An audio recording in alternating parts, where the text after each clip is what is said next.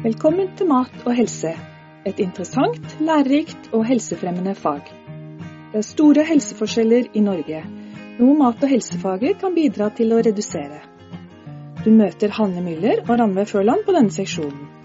Hovedområdene er mat og livsstil, lære å sette sammen ernæringsriktige måltider i tråd med Helsedirektoratets kostråd, mat og forbruk, ulike matvarer, varemerking, hygiene og bærekraftig utvikling, mat og kultur, hverdagsmat, høytid og fest, tradisjonsmat og mat i ulike kulturer. I Mat og helse er det en praktisk-didaktisk økt som er basert på ulike temaer, og en teoriøkt per uke. I hver praktiske økt blir det laget ca. tolv ulike retter innen ulike temaer, som f.eks. frukt og grønnsaker, krydder, kjøtt og fisk, restemat og belgvekster. Det er mye teori i faget. Under mat og livsstil er det undervisning i energiomsetningen, fett, karbohydrater, protein, vitaminer, mineralstoffer og livsstilssykdommer.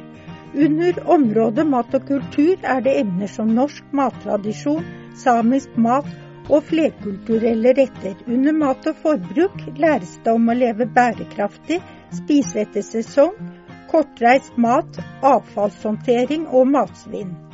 Arbeidskrav en digital individuell kostberegningsoppgave, en forbrukeroppgave og en stor fagoppgave på ca. 20 sider i gruppe på ca. fire personer. Og til slutt en avsluttende individuell, praktisk, didaktisk eksamen over trukket tema, pluss muntlig eksamen. Mat- og helselærer har en interessant jobb med helsefremmende arbeid. Lærerens rolle er undervisning, før- og etterarbeid på kjøkkenet og ansvar for at renholdet er tilfredsstillende. Vi trenger flere fagutdannede mat- og helselærere i skolen.